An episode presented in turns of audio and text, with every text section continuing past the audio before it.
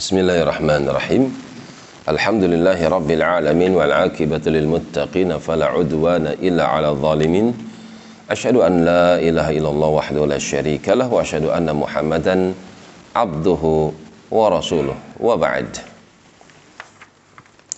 Masih di dalam surah Saba sampai pada firman Allah Ta'ala وَلَقَدْ صَدَّقَ عَلَيْهِمْ إِبْلِيسُ maka sungguh iblis telah membenarkan mereka. Dhannahu persangkaan dari persangkaan mereka.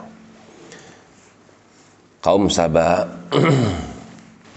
mereka merasa baik apabila perjalanan yang dekat menjadi jauh yang mudah menjadi susah. Mereka anggap itu sebagai tantangan.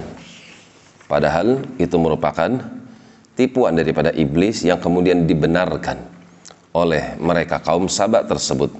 Fattaba'uhu. Karena itu bisikan-bisikan iblis pun diikuti oleh mereka. Ila fariqan minal mu'minin. Kecuali fariq.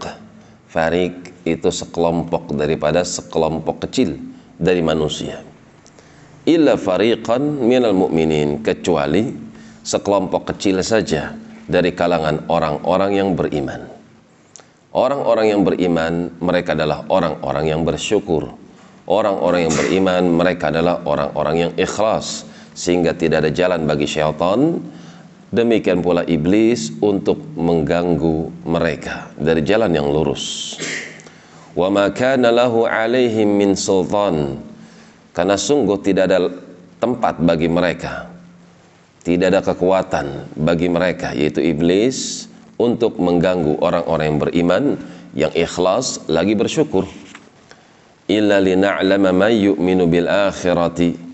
Adapun perbuatan mereka kami uji ada yang berhasil ada juga yang tidak berhasil. Dengan sebab ujian lina'lam kami akan menguji agar kami mengetahui. Man yu'minu bil akhirah siapakah yang sungguh-sungguh beriman kepada hari akhirat wa mimman atau mimman huwa minha fisyakin dan siapa golongan-golongan manusia yang ragu akan adanya hari kebangkitan. Demikian di antara ujian.